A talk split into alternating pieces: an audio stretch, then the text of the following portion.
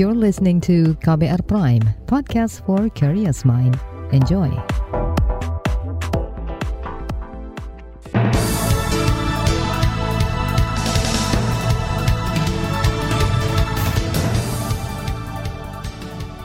Selamat pagi saudara, senang sekali kami bisa menjumpai Anda kembali melalui program Buletin Pagi edisi Selasa 4 Oktober 2022.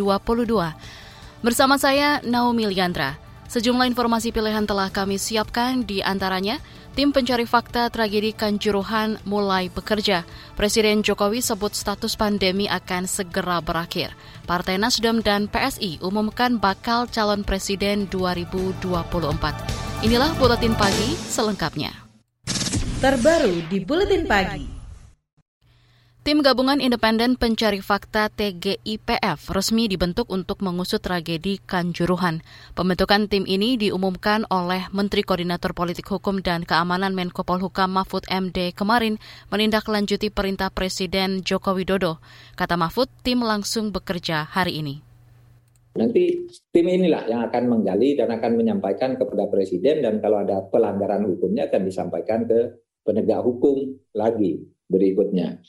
Nah, kapan mulai? Ya kita akan langsung mulai saja ini. Besok ini makanya saya umumkan sekarang karena besok akan segera nyusun pertemuan-pertemuan maraton dan berbagi tugas, memanggil siapa dan menemui siapa, melihat apa itu besok akan dibicarakan.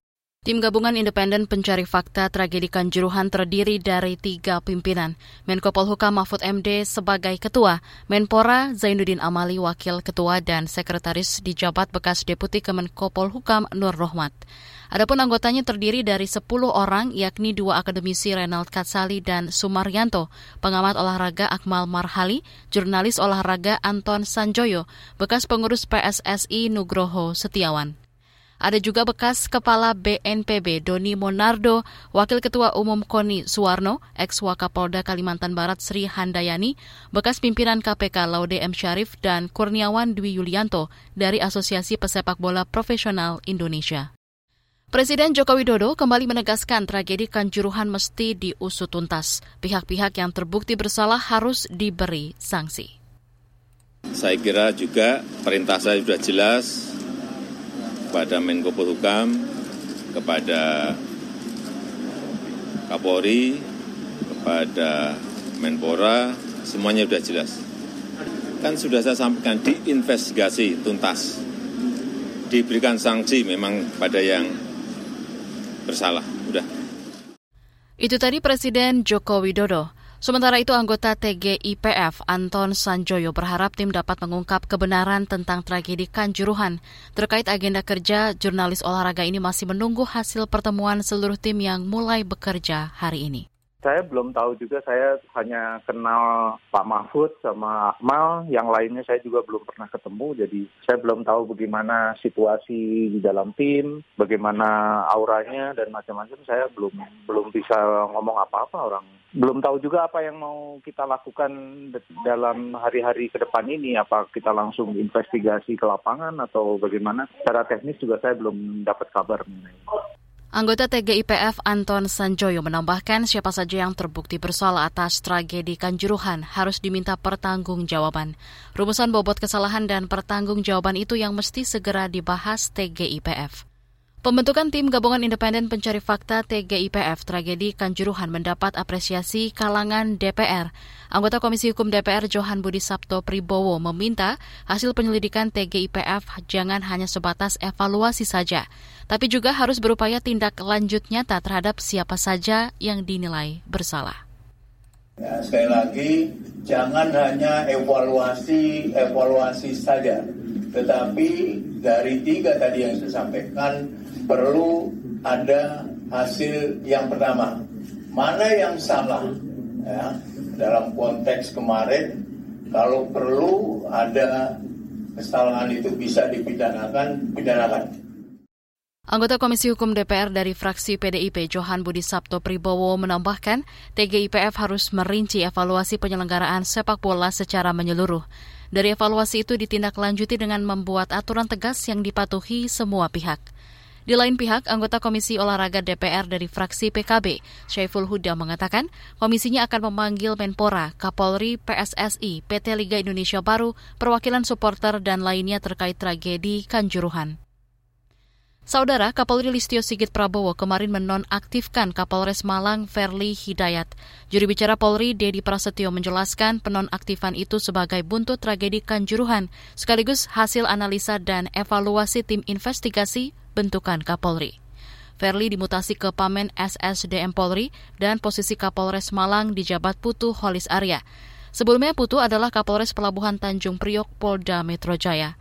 Selain itu, Kapolri juga memerintahkan Kapolda Jawa Timur, Niko Afinta, untuk menonaktifkan sembilan personel dari Korps Brimob. Jabatan mereka adalah Komandan Batalion, Komandan Kompi, dan Komandan Peleton. Sebelumnya, secara internal Itsus dan Propam Polri juga sudah memeriksa 18 personil yang bertanggung jawab atau menjadi operator senjata pelontar gas air mata. Presiden Jokowi menyebut status pandemi COVID-19 akan segera berakhir. Informasinya akan hadir sesaat lagi. Tetaplah di Buletin Pagi KBR. You're listening to KBR Pride, podcast for curious mind. Enjoy!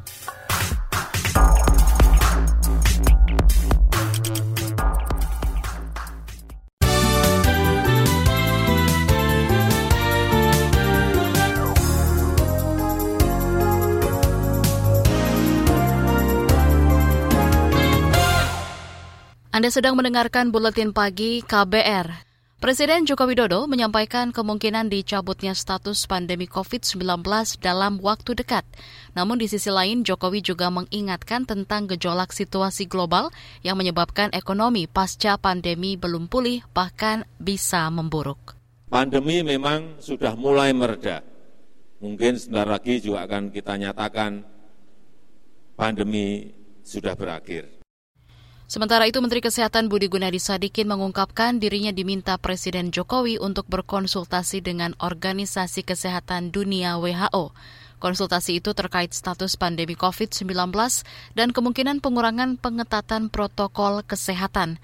Kemarin jumlah kasus baru COVID-19 di Indonesia bertambah 1.100-an kasus, pasien meninggal bertambah 11 orang. Partai Nasional Demokrat Nasdem resmi mendeklarasikan Gubernur DKI Jakarta Anies Baswedan sebagai calon presiden di pemilu 2024. Pengumuman disampaikan Ketua Umum Partai Nasdem Surya Paloh. Nasdem melihat seorang sosok Anies Rashid Baswedan. Kami mempunyai keyakinan, pikiran-pikiran dalam perspektif baik secara makro maupun mikro sejalan dengan apa yang kami yakini. Kami ingin menitipkan perjalanan bangsa ini ke depan. Insya Allah, jika saudara Rashid Baswedan ini terpilih menjadi presiden nanti, pimpinlah bangsa ini menjadi bangsa yang lebih bermartabat. Dengan mengusung Anies, Surya Paloh yakin Partai Keadilan Sejahtera dan Partai Demokrat pasti akan segera merapat untuk berkoalisi. Sementara itu, Partai Solidaritas Indonesia PSI mendeklarasikan Gubernur Jawa Tengah Ganjar Pranowo sebagai calon presiden di pemilu 2024.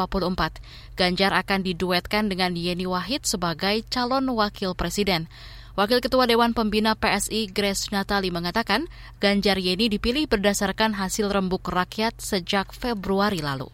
Dari hasil rembuk rakyat itu, kami mengumumkan bahwa Partai Solidaritas Indonesia akan mencalonkan Pak Ganjar Pranowo sebagai calon presiden PSI di tahun 2024. Sejak awal, Pak Ganjar atau lebih akrab kami panggil Mas Ganjar unggul dibandingkan kandidat lainnya. Bagi PSI, Ganjar Pranowo adalah calon terbaik karena memiliki visi kebangsaan dan kebinekaan yang sama dengan apa yang selama ini diperjuangkan oleh PSI. Wakil Ketua Dewan Pembina PSI Grace Natali menyebut Ganjar sebagai sosok yang merakyat. Kata dia, Ganjar juga merupakan sosok paling tepat untuk melanjutkan program Presiden Joko Widodo. PSI menilai Ganjar sangat pas dipasangkan dengan Yeni demi mewujudkan Indonesia yang adil dan toleran. Beralih ke berita ekonomi, Badan Pusat Statistik BPS mencatat inflasi pada September 2022 menembus 1,17 persen. Angka itu merupakan tertinggi sejak Desember 2014. Ketua BPS Margo Yuwono mengatakan tingginya inflasi September itu salah satunya disebabkan kenaikan harga BBM. Jika dilihat menyumbang inflasi di bulan September ini, di antaranya berasal dari kenaikan bensin, tarif angkutan dalam kota, beras, solar, tarif angkutan antar kota, tarif kendaraan online, dan juga bahan bakar rumah tangga. Inflasi September tahun 2022 yang sebesar 1,17 persen ini merupakan tertinggi sejak Desember tahun 2014. Ketua BPS Margo Yuwono menjelaskan inflasi pada September 2022 dengan Desember 2014 sama-sama dipicu kenaikan harga BBM. Kala itu pada akhir 2014 inflasi sampai menembus 2,46 persen.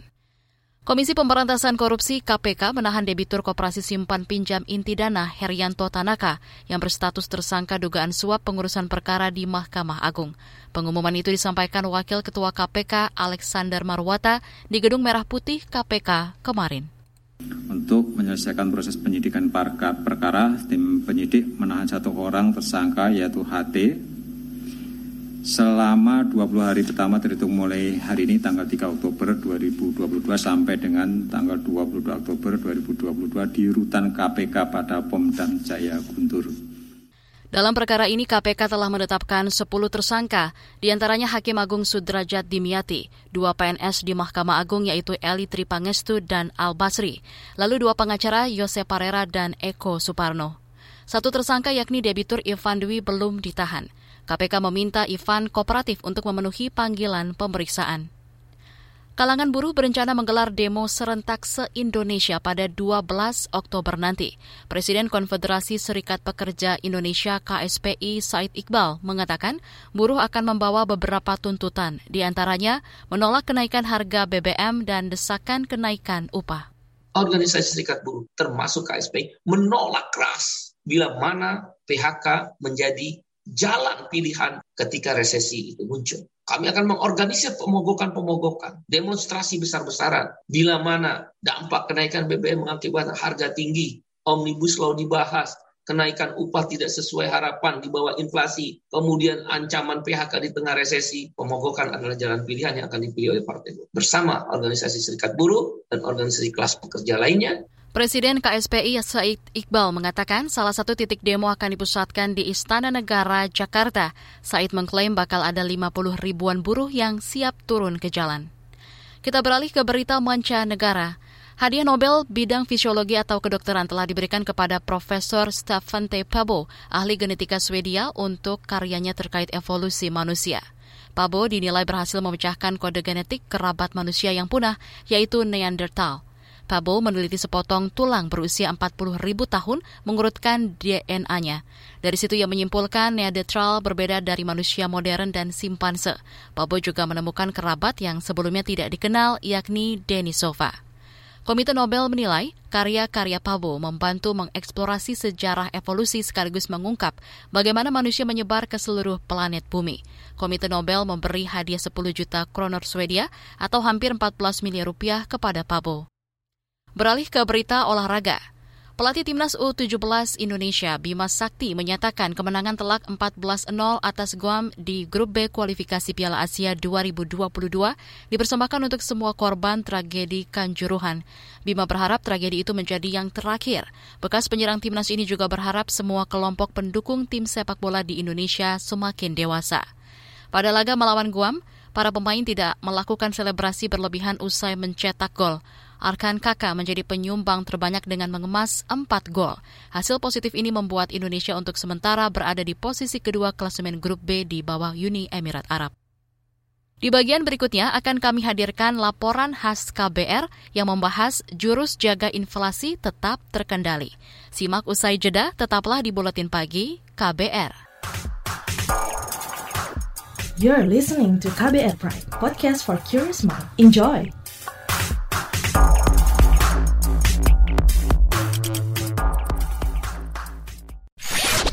Commercial break. Commercial break.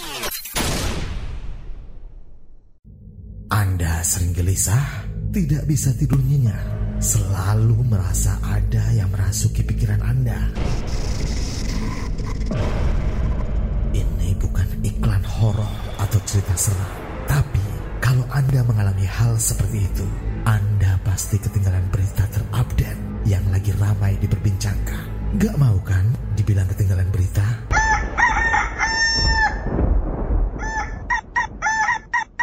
Makanya dengerin KBR Pagi, siaran pagi radio paling update menghadirkan narasumber yang terpercaya dan kredibel. Banyak lagu-lagu dari zaman old sampai zaman now. Setiap hari Senin sampai dengan Jumat mulai pukul 7 sampai 8 waktu Indonesia Barat. Bisa didengerin dari Aceh hingga Papua. Cukup satu jam saja untuk membuat kamu tetap update.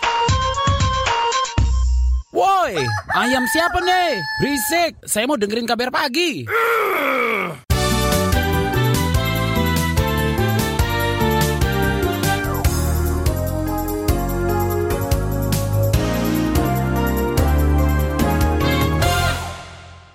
Anda masih bersama kami di Buletin Pagi KBR. Angka inflasi tinggi mengancam seluruh negara di dunia, termasuk Indonesia. Faktornya antara lain mahalnya harga pangan dan energi. Lantas, apa jurus pemerintah Indonesia untuk menjaga inflasi agar tetap terkendali? Selengkapnya kita simak laporan khas KBR disusun Reski Novianto. Saudara ancaman inflasi tinggi membuat negara-negara di dunia baik negara maju maupun berkembang mulai mempersiapkan diri untuk antisipasi termasuk Indonesia. Presiden Joko Widodo mengingatkan Menteri Keuangan Sri Mulyani berhati-hati mengelola anggaran negara PBN. Jokowi meminta PBN digunakan untuk hal yang produktif dan memberikan imbal hasil yang jelas. Salah satunya menyelesaikan masalah inflasi yang menyebabkan kenaikan harga barang dan jasa.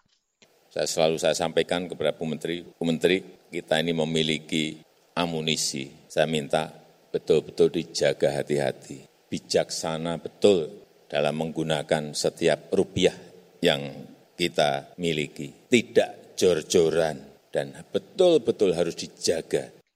Kekhawatiran Presiden akhirnya terbukti sebab berdasarkan rilis Badan Pusat Statistik atau BPS, angka inflasi September 2022 menembus 1,17 persen. Angka itu merupakan tertinggi sejak Desember 2014. Ketua BPS Margo Yuwono mengatakan, tingginya inflasi pada bulan lalu salah satunya disebabkan kenaikan harga bahan bakar minyak atau BBM. Jika dilihat menyumbang inflasi di bulan September ini, di antaranya berasal dari kenaikan bensin, tarif angkutan dalam kota, beras, solar, tarif angkutan antar kota, tarif kendaraan online, dan juga bahan bakar rumah tangga. Inflasi September tahun 2022 yang sebesar 1,17 persen ini merupakan tertinggi sejak Desember tahun 2014. Ketua BPS Margo Yuwono menjelaskan tingginya inflasi pada September 2022 dan Desember 2014 sama-sama disebabkan kenaikan harga BBM. Kala itu pada akhir 2014 inflasi sampai menembus 2,46 persen. Mewaspadai tingginya inflasi membuat Bank Indonesia bergerak cepat. Salah satunya dengan menaikkan suku bunga acuan atau BI 7 Day Reverse Repo Rate atau BI 7 DRR 50 basis poin atau BPS menjadi 4,25 persen. Gubernur BI Peri Warjio. Keputusan kenaikan suku bunga tersebut sebagai langkah front loaded, preemptive, dan forward looking untuk menurunkan ekspektasi inflasi dan memastikan inflasi inti kembali ke sasaran 3 persen plus minus 1 persen pada paruh kedua tahun 2023. Langkah Peri diperkuat prediksi dari Deputi Gubernur Bank Indonesia Aida S. Budiman. Aida memperkirakan tingkat risiko inflasi di atas 4 persen secara tahunan masih tinggi hingga 2023. Sebab ia menilai dua sektor komoditas saat ini masih menjadi penyumbang tertinggi. Karena ke depan kami masih melihat tekanan inflasi masih berlanjut. Harga pangan dan energi masih terus mengalami peningkatan dan disrupsi dari pasokan juga terus terjadi sehingga resiko untuk inflasi kita berada di atas 4% di tahun 2022 dan 2023 ini masih tinggi. Aida mengatakan pengendalian harga komoditas pangan dan energi sebagai dampak komoditas global masih menjadi pekerjaan rumah pemerintah.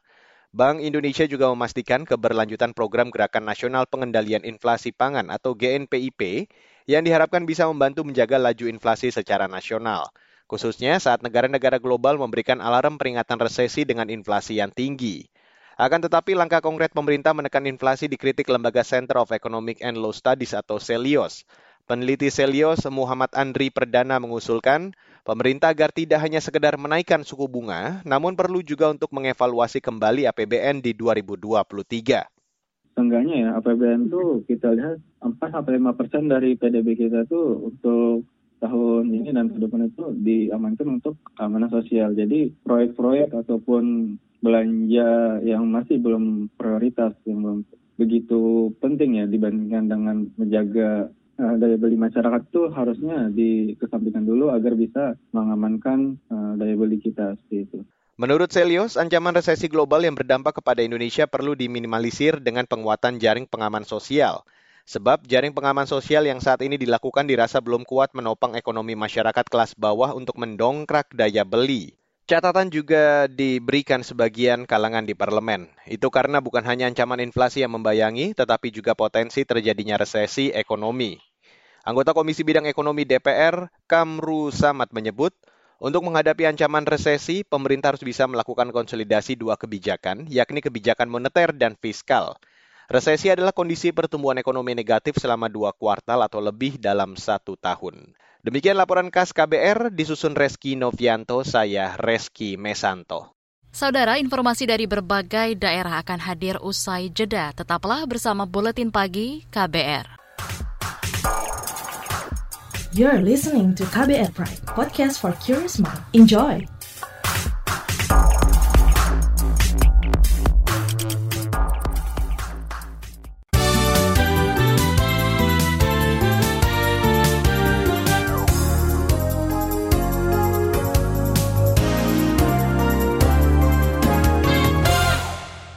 Inilah bagian akhir buletin KBR.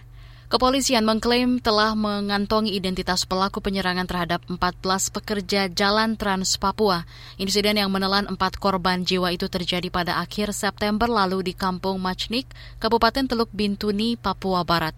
Kapolres Teluk Bintuni, Junov Siregar, menduga pelaku penyerangan dari kelompok bersenjata setempat. Untuk para tersangka nantinya kami sedang melakukan pendalaman. Beberapa nama sudah kami kantongi, pastinya akan kami lakukan eh, pengejaran. Kabupaten Teluk Bintuni dalam keadaan aman, aman terkendali. Ibu kota listrik kondusif dalam keadaan aman. Ada pos pos Ramil yang dijaga oleh Batalion 136. Kapolres Teluk Bintuni, Papua Barat, Junov Siregar menambahkan jenazah para korban telah dievakuasi ke Manokwari dan dipulangkan ke kampung halaman masing-masing. Sementara seorang korban yang sempat dinyatakan hilang telah ditemukan selamat. Kita ke Jawa Timur. Kejaksaan Negeri Tulung Agung menggeledah kantor desa Batang Saren terkait dugaan kasus korupsi dana desa tahun anggaran 2014-2019. Kepala Seksi Intelijen Kejari Tulung Agung, Agung Tri Radityo, mengatakan penggeledahan dilakukan karena pemerintah desa dinilai tidak kooperatif. Jadi dari proses uh, surat perintah penyidikan mulai uh, bulan April tahun 2022 kemarin, tim penyidik itu mengalami uh, kesusahan atau kesulitan dalam hal mendapatkan beberapa dokumen yang dianggap penting kaitannya dengan pembuktian dari perkara tersebut. Makanya berdasarkan uh, kemarin ekspos yang dilakukan tim penyidik bersama Bapak Kajari ini untuk ditetapkan dilakukan kegiatan upaya paksa berupa penggeledahan. Kepala Seksi Intelijen Kejari Tulung Agung Jawa Timur, Agung Tri Radityo menjelaskan, penyidik mengamankan tiga kontainer berisi dokumen penggunaan anggaran desa, sejumlah unit komputer, kwitansi, dan stempel palsu.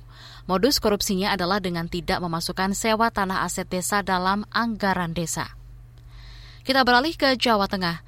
Pemerintah Kabupaten Jepara mengeluhkan kekosongan stok vaksin COVID-19. Akibatnya layanan vaksinasi terhenti sementara waktu. Hal itu diungkapkan pelaksana tugas Kepala Dinas Kesehatan Jepara, Muhammad Ali. Vaksin ini kan barang gratis, dropping dari pemerintah. Kita ya tinggal nunggu bisanya. Hmm. Nunggu, kalau dari provinsi juga kosong, kita kan nggak bisa ngapa-ngapain. Samping di rumah sakit, klinik, puskesmas itu kan wajib. ya. Nah sekarang kita itu kebalik. Masyarakatnya pengen vaksinasi, tapi vaksinnya kosong. Pelaksana tugas Kepala Dinas Kesehatan Jepara, Muhammad Ali, menambahkan pihaknya tengah menanti kiriman stok vaksin COVID-19 dari Pemprov Jawa Tengah. Informasi tadi menutup jumpa kita di Buletin Pagi hari ini. Pantau juga informasi terbaru melalui kabar baru, situs kbr.id, Twitter kami di akun @beritaKBR, serta podcast di alamat kbrprime.id.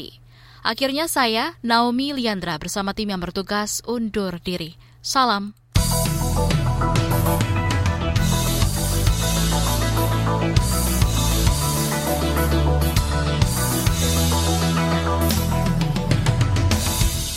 KBR Prime, cara asik mendengar berita. KBR Prime, podcast for curious mind.